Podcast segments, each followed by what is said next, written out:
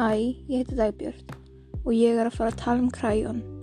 Fullt nafn er Chronic Relapsing Inflammatory Optic Neuropathy. Ég vil tala um kræjón og það ég með það.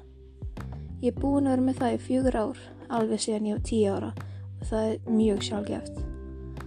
Það er yfirlegt 20 til 40 ára gamalt fólk sem fær það. En það var bara síðan að ég var með kræjón á þessu ári ef að þú ert að hlusta á þetta 2020.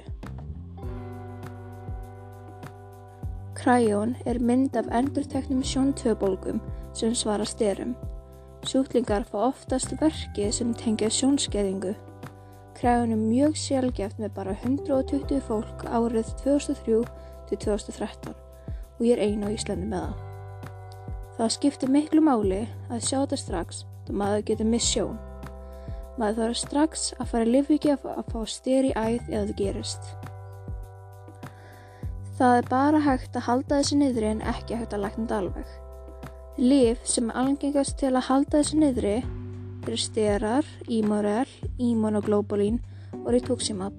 Rituximab er krabbminnslif en það þýðir ekkert að við sem er krabbminn.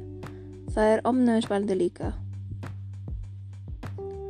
Þau eru öll omnæmisbælandi lif og það er verið að drepa ofnumvæskerfið út af kræjánur eiginlega sólsónumi. Nú er ég að fara að tala um hvernig það er að lifa með kræjón. Það er pínu erfitt að lifa með þetta út af maður getur ekki verið langt frá sjúgrósi til dæmis að fara til útlanda. Maður verður mjög þreytir og fær höfuverki og maðurverki. Ég get sagt að það er satt út að ég fæða oft. Allavega fyrir mig þá get ég ekki verið mikið í sól þegar ég fæ viðkoma húð frá ímurölinu.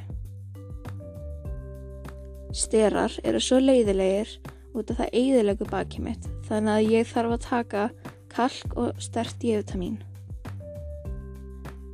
Maður þarf oft að fara upp á sjúgrós til að fara í lífíkjöf og til augleðna. Takk fyrir mig.